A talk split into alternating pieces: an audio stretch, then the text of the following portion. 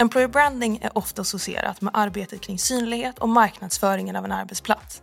Men det är så mycket mer. Kraftfull employer branding byggs in i organisationen och sprids sedan ut. Det handlar om att skapa en upplevelse av en arbetsplats som är värd att prata om och vilja vara en del av. Och idag när kandidater beter sig mer som kunder är det ännu viktigare att ställa om från kandidat till att tänka kundidat. Du lyssnar på Kandidatresan, en podd av Visma Talent Solutions med mig, Katrin Schamera. I dagens avsnitt gästas vi av Sara Yassayeri och pratar om hur internkommunikation är en viktig förutsättning för att skapa en välfungerande och attraktiv arbetsplats. Sara har erfarenhet av förändringsledning, organisationsutveckling och kulturförändringar. Hon har jobbat i roller som nordisk staffing manager på Teleperformance, HR business partner och employer branding specialist på Kronans Apotek, HR-direktör och därefter affärsområdeschef för IT-verksamheten på Visma Consulting och idag hittar vi henne i rollen som Head of Global HR Operations på Voi.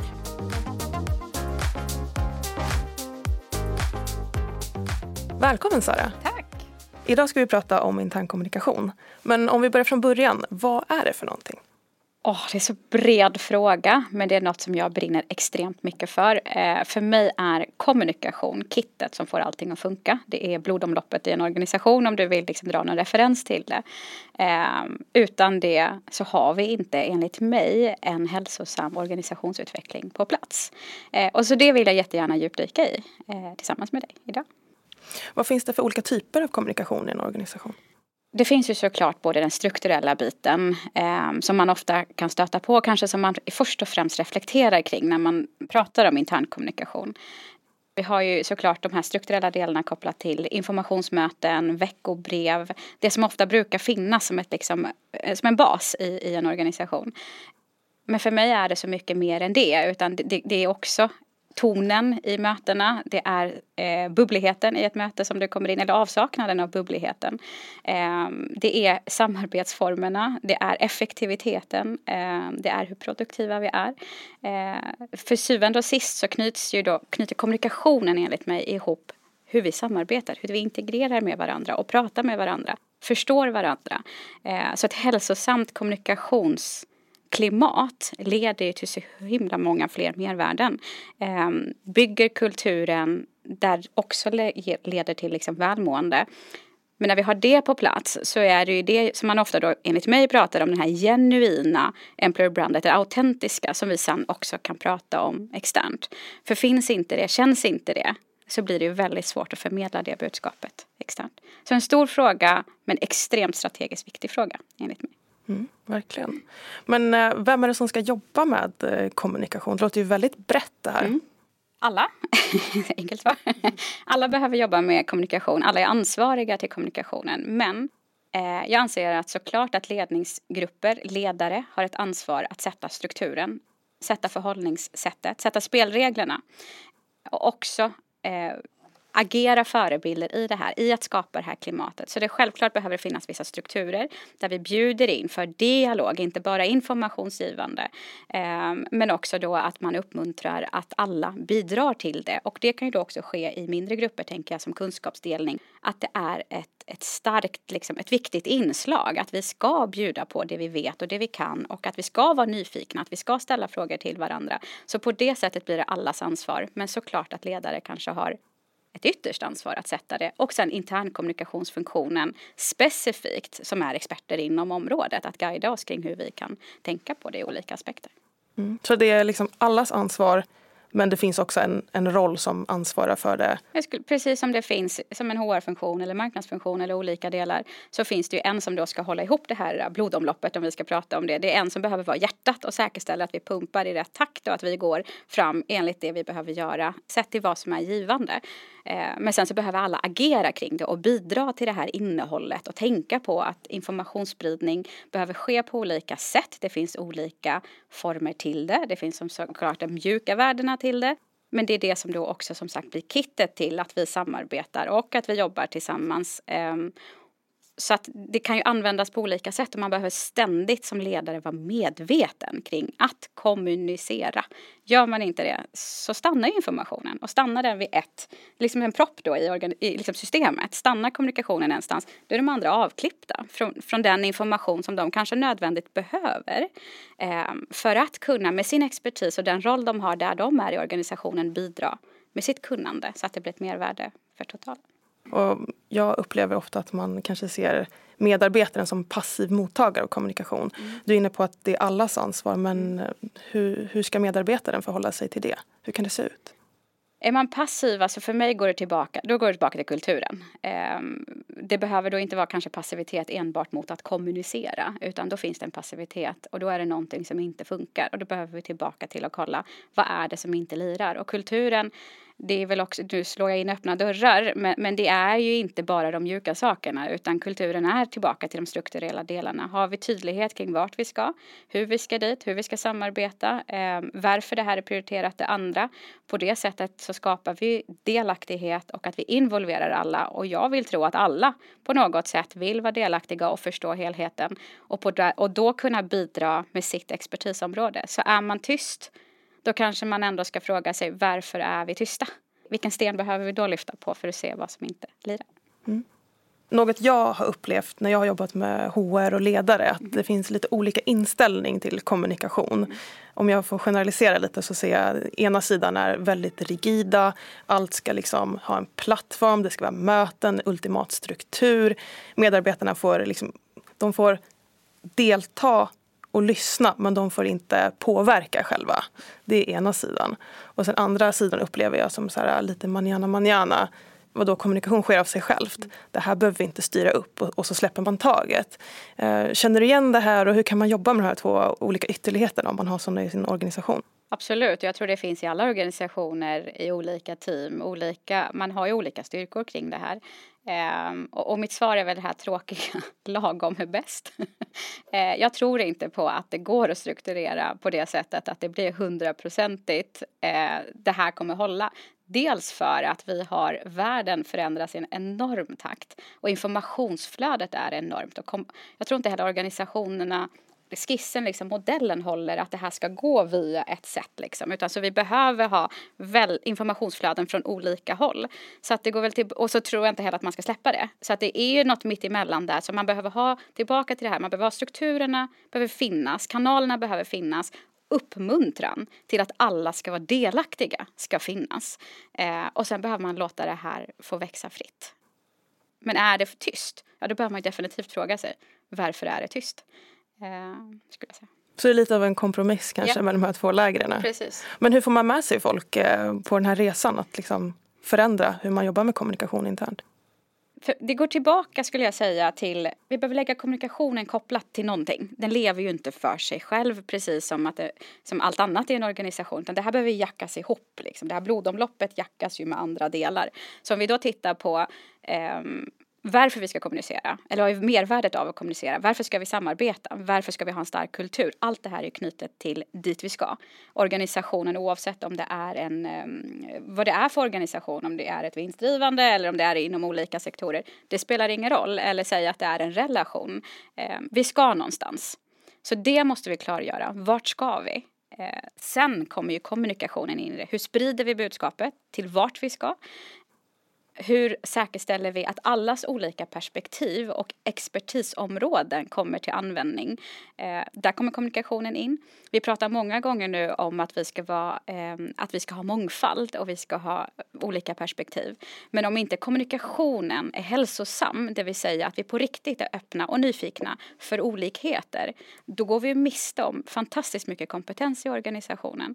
Eh, så att vadet behöver tydliggöras och sen lägga in strukturer, arbetssätt för hur vi då bygger in huret tillsammans för att nå målet för den verksamhet, organisation, team eller vad det kan vara. Då. Ja, för jag tycker det låter lite som att intern kommunikation blir ett nödvändigt ont. Men så som du beskriver det så är det en ytterst strategisk mm. fråga. Så det är superintressant. Och eh, det jag tycker är så kul med din profil är att du har ju både jobbat inom HR och varit affärsområdeschef. Mm. Så du har haft två olika perspektiv. Hur har det påverkat hur du ser på kommunikation? Det, det, är intressant att, att, sitta på de här olika rollerna som du säger. Um, för att när man sitter då, eller det spelar nog ingen roll vilket byte man gör, men när man byter olika glasögon um, så får man helt plötsligt ett helt annat synfält som man tittar på och det är hälsosamt i sig. Uh, men, men framförallt om vi tar kommunikationen då så tror jag att det absolut viktigaste liksom, insikten för mig var att hur pass man ändå behöver lägga ner tid på målgruppsanpassa budskapet man vill nå ut. För risken är ju annars att man kommer från, från sina glasögon enbart, alltså den som vill sända någonting har sina glasögon, men kanske inte tillräckligt grad reflekterat hur det här ska mottas.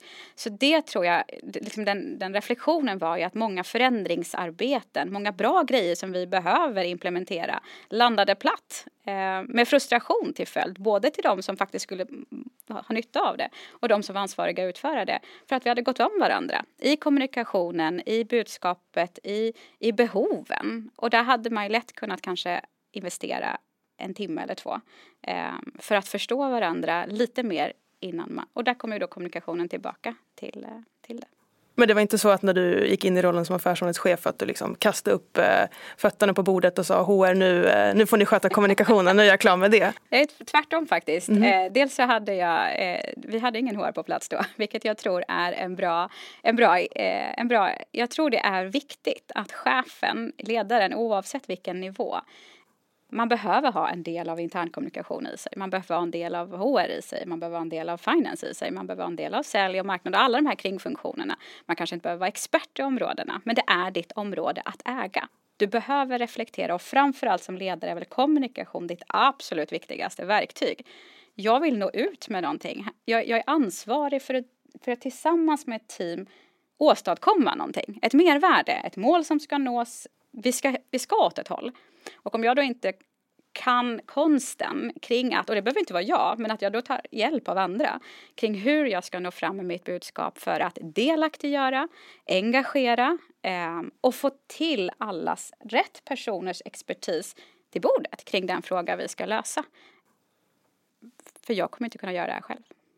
Ja, för kommunikation är ju samarbete. Om jag är själv så behöver jag inte kommunicera med någon. Mm. Och det är en del av ledarskapet också. Det är ju jättetokigt om man lämnar ifrån sig kommunikationen till någon annan om man ska leda ett affärsområde, tänker jag. Absolut, och det är där jag menar att kommunikationen är blodomloppet i, i en organisation eller i en verksamhet. Eh, men det förutom det här eh, informativa veckobrev, liksom strukturerna för kommunikation, så är det ju då också de mjuka värdena till kommunikationen. Hur jag då i mitt ledarskap eller i strukturen eller i sättet skapar en trygg miljö för att tillåta att kommunikationen frodas, eh, för att tillåta att bli ifrågasatt, för att bjuda upp och höra oliktänkande.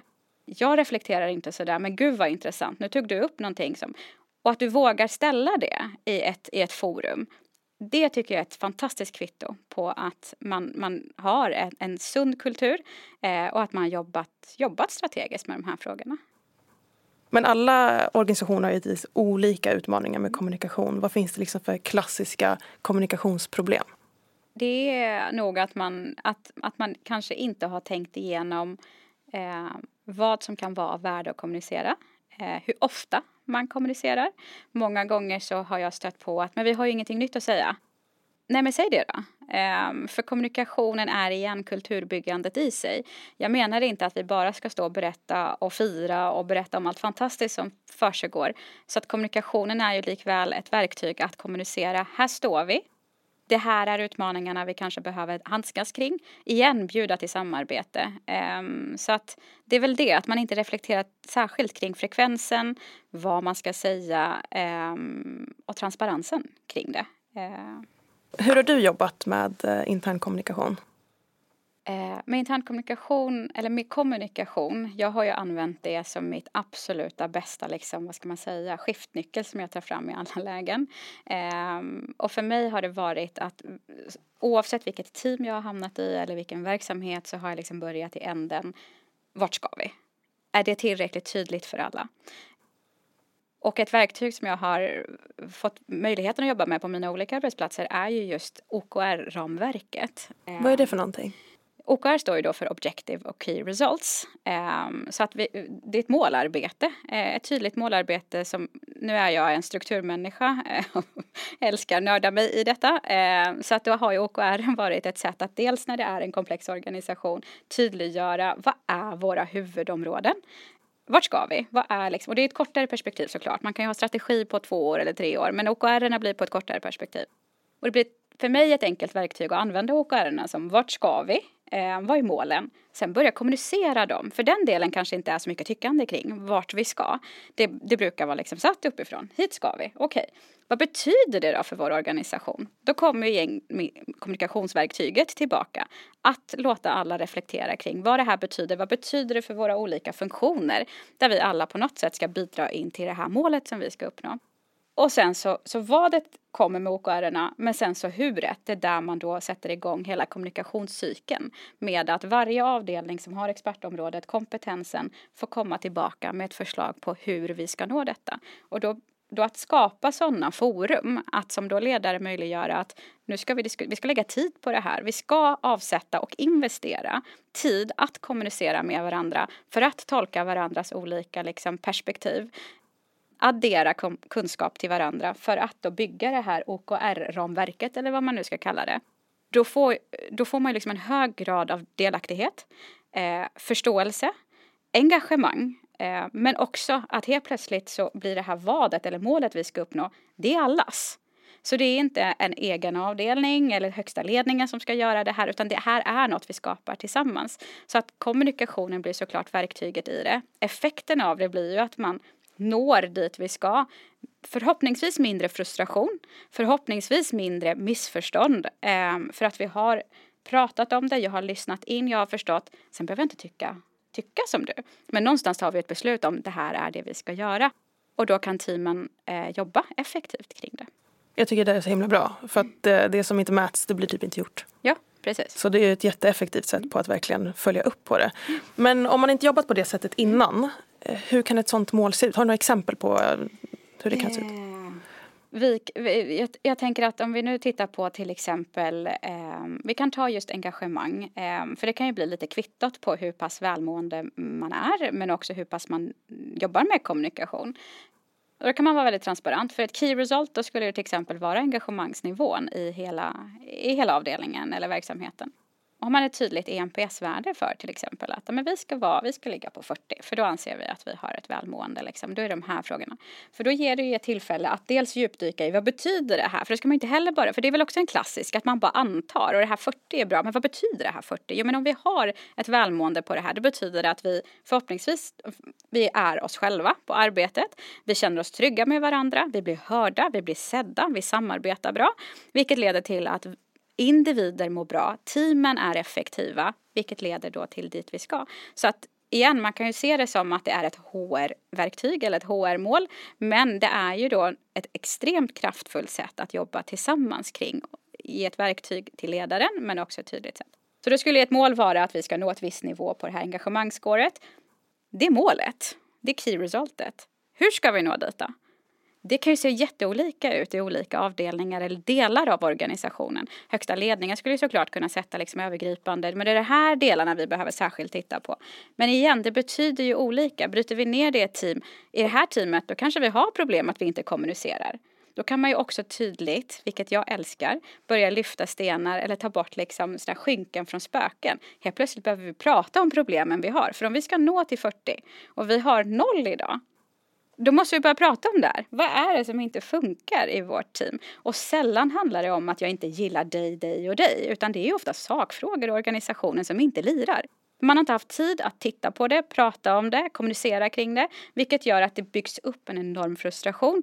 Och då går man ju bort från sakfrågan och det blir mer känslor och personligheter. Så det är ett konkret exempel på hur man via ett engagemangs-key result kan jobba med kommunikation och diskussioner i grupper för att börja titta på sakfrågor och de facto arbetsrelaterade grejer i arbetsplatsen. Om det är verktyg, system, processer som inte lirar som leder till att vi arbetsbelastar varandra eller skapar frustration. Och så kan man följa upp det. Följa upp tycker jag också är jätteviktigt Eh, inslag i det här, att följa upp. Så det är inte en one time, liksom, nu har vi satt det och så kör vi, utan då får man ju prata om det och visa på att det är viktigt och att vi jobbar med. Ja men precis. Och jag tänker, det kan ju vara mål på olika nivåer. Hur djupt kan man dra det här? Kan man sätta det på en individs utvecklingsplan? Att kanske kunskapsdela mer eller liksom hur långt jag tycker det går hela vägen, eh, uppifrån ända ner till varje individ. I syvende och sist så är vi ju olika individer som bidrar med våra olika ryggsäckar, med våra olika glasögon.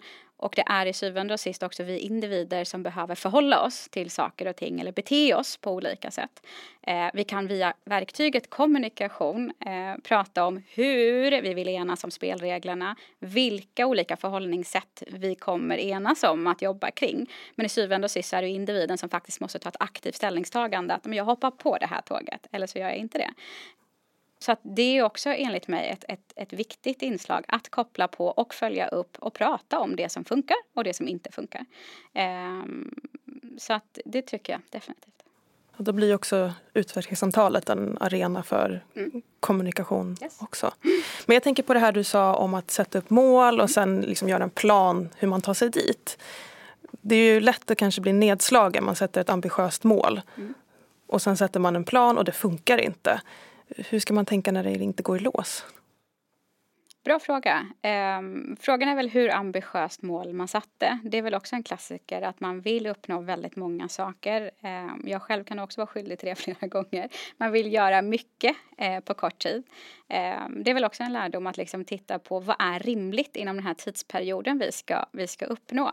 Ehm, tillbaka till kommunikation har vi satt väldigt ambitiösa mål, många sådana men inte varit lyhörda nog till vart organisationen befinner sig.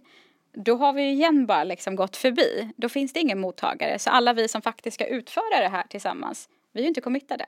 För vi inser ju att det här kommer ju inte gå. Det här målet, här är vi. Och nu har ni satt ett mål som ligger liksom way off. Och, och redan där har vi liksom ett, ett, en propp i blodomloppet. För man blir disengaged. Eh, jag ser inte här möjligt att nå. Eh, så att så dels tror jag kalibrera in nivån på, det är klart vi ska vara ambitiösa, det är klart vi ska sikta, men vad är rimligt att ha en hälsosam syn kring vart vi befinner oss och vilka förutsättningar behövs då och vara öppen och transparent kring det i så fall eller jobba med prioriteringar kring eh, det här är hela listan men det är de här tre vi kommer fokusera kring. Och det är ju faktiskt förändringsledning det här yes. vi pratar om och det tar tid. Det tar tid. Går inte över en natt. No. Även om man skulle vilja det. ja, absolut. Finns det någon så klassisk eh, kommunikationsmiss som du har gjort som du tycker att andra ska undvika? Ja, den jag precis nämnde. Eh, att inte ha lyssnat in tillräckligt mycket själv eh, och tänkt att men det, här, det här har jag gjort tio gånger. Jag tar fram liksom, det är bara att säga och så, så är alla med och sen så springer vi fram liksom. Och så har jag presenterat så sitter alla och tittar och bara, och så, så inser jag att men vänta, nu, nu felkalibrerade jag vart vi är, i vilken fas, vilket budskap, vad, varför var det här viktigt? Vad vill jag uppnå med det här som jag informerar om eller kommunicerar om eller, eller bjuder in till tyckande? Var jag tydlig nog? Hade jag mina tre liksom, key points redo? Så att jag tror, jag, det är ju svårt, annars hade ju många, många fler varit experter inom detta. Um, och vi, vi live, we live and we learn, tänker jag. Så att man får ju liksom också vara då transparent nog eh, och äga det om man nu är i en ledarposition, vilket jag då har fått göra gå tillbaka och, och, och, helt enkelt äga att hörni, det, det, där blev fel, det tar jag på mig. Eh, det blev fel i, i det här läget, i liksom den här kommunikationen eller jag borde ha tänkt på de här aspekterna. Eh, men vi gör om det. Eh, det tycker jag också är fint. Jag upplever ibland också att organisationer vill ha en one size fits all. Mm. Man vill ha ett tips som ska lösa alla problem men de flesta är ju väldigt unika. Mm. Eh, människor och organisationer i det här fallet. Mm. Hur kan man tänka på att liksom identifiera sina egna kommunikationsproblem? Då, då bara ploppar ordet lyssna. Det, det är ju tvärt att prata, eh, som kommunikation kanske ofta förknippas med. Men lyssna, lyssna, lyssna, lyssna och ställa massor med frågor. Eh, att inte ha för bråttom i att implementera något eller kommunicera något utan lägga lite tid igen på att lyssna. Eh, man hör och ser väldigt mycket när man bara går med de glasögonen och bara lyssnar. Eh, vilket gör att man kan anpassa eh, budskapet mer. Klokt. Så en viktig del av kommunikation är också att lyssna. Såklart. och så avslutningsvis, om den som lyssnar ska ta med sig tre saker från det här mm. avsnittet för att jobba med effektiv kommunikation. Vad ska man då tänka på? Då skulle jag säga att det är, eh, det är en otrolig... Kommunikation bör ses som en extremt strategiskt viktig del i organisationsutveckling. Ehm, dels det. Eh, dels att det är allas ansvar men det behöver finnas strukturer för det. Men det är allas ansvar och att vi behöver uppmuntra till det. Och sist då att jobba med ett tydligt ramverk för mål, målarbete som OKR till exempel där vi tydliggör vart vi ska och bjuder in till kommunikation, samarbete och lyssnande eh, kring hur vi ska ta oss dit för att ta tillvara våra olikheter och kompetenser. Grymt. Tack så mycket Sara. Tack. För er som lyssnar och som vill veta mer om kommunikation så har jag länkat till vidare läsning i bion. Och om ni vill fortsätta inspireras så kan ni följa oss på LinkedIn på Visma Talent Solutions.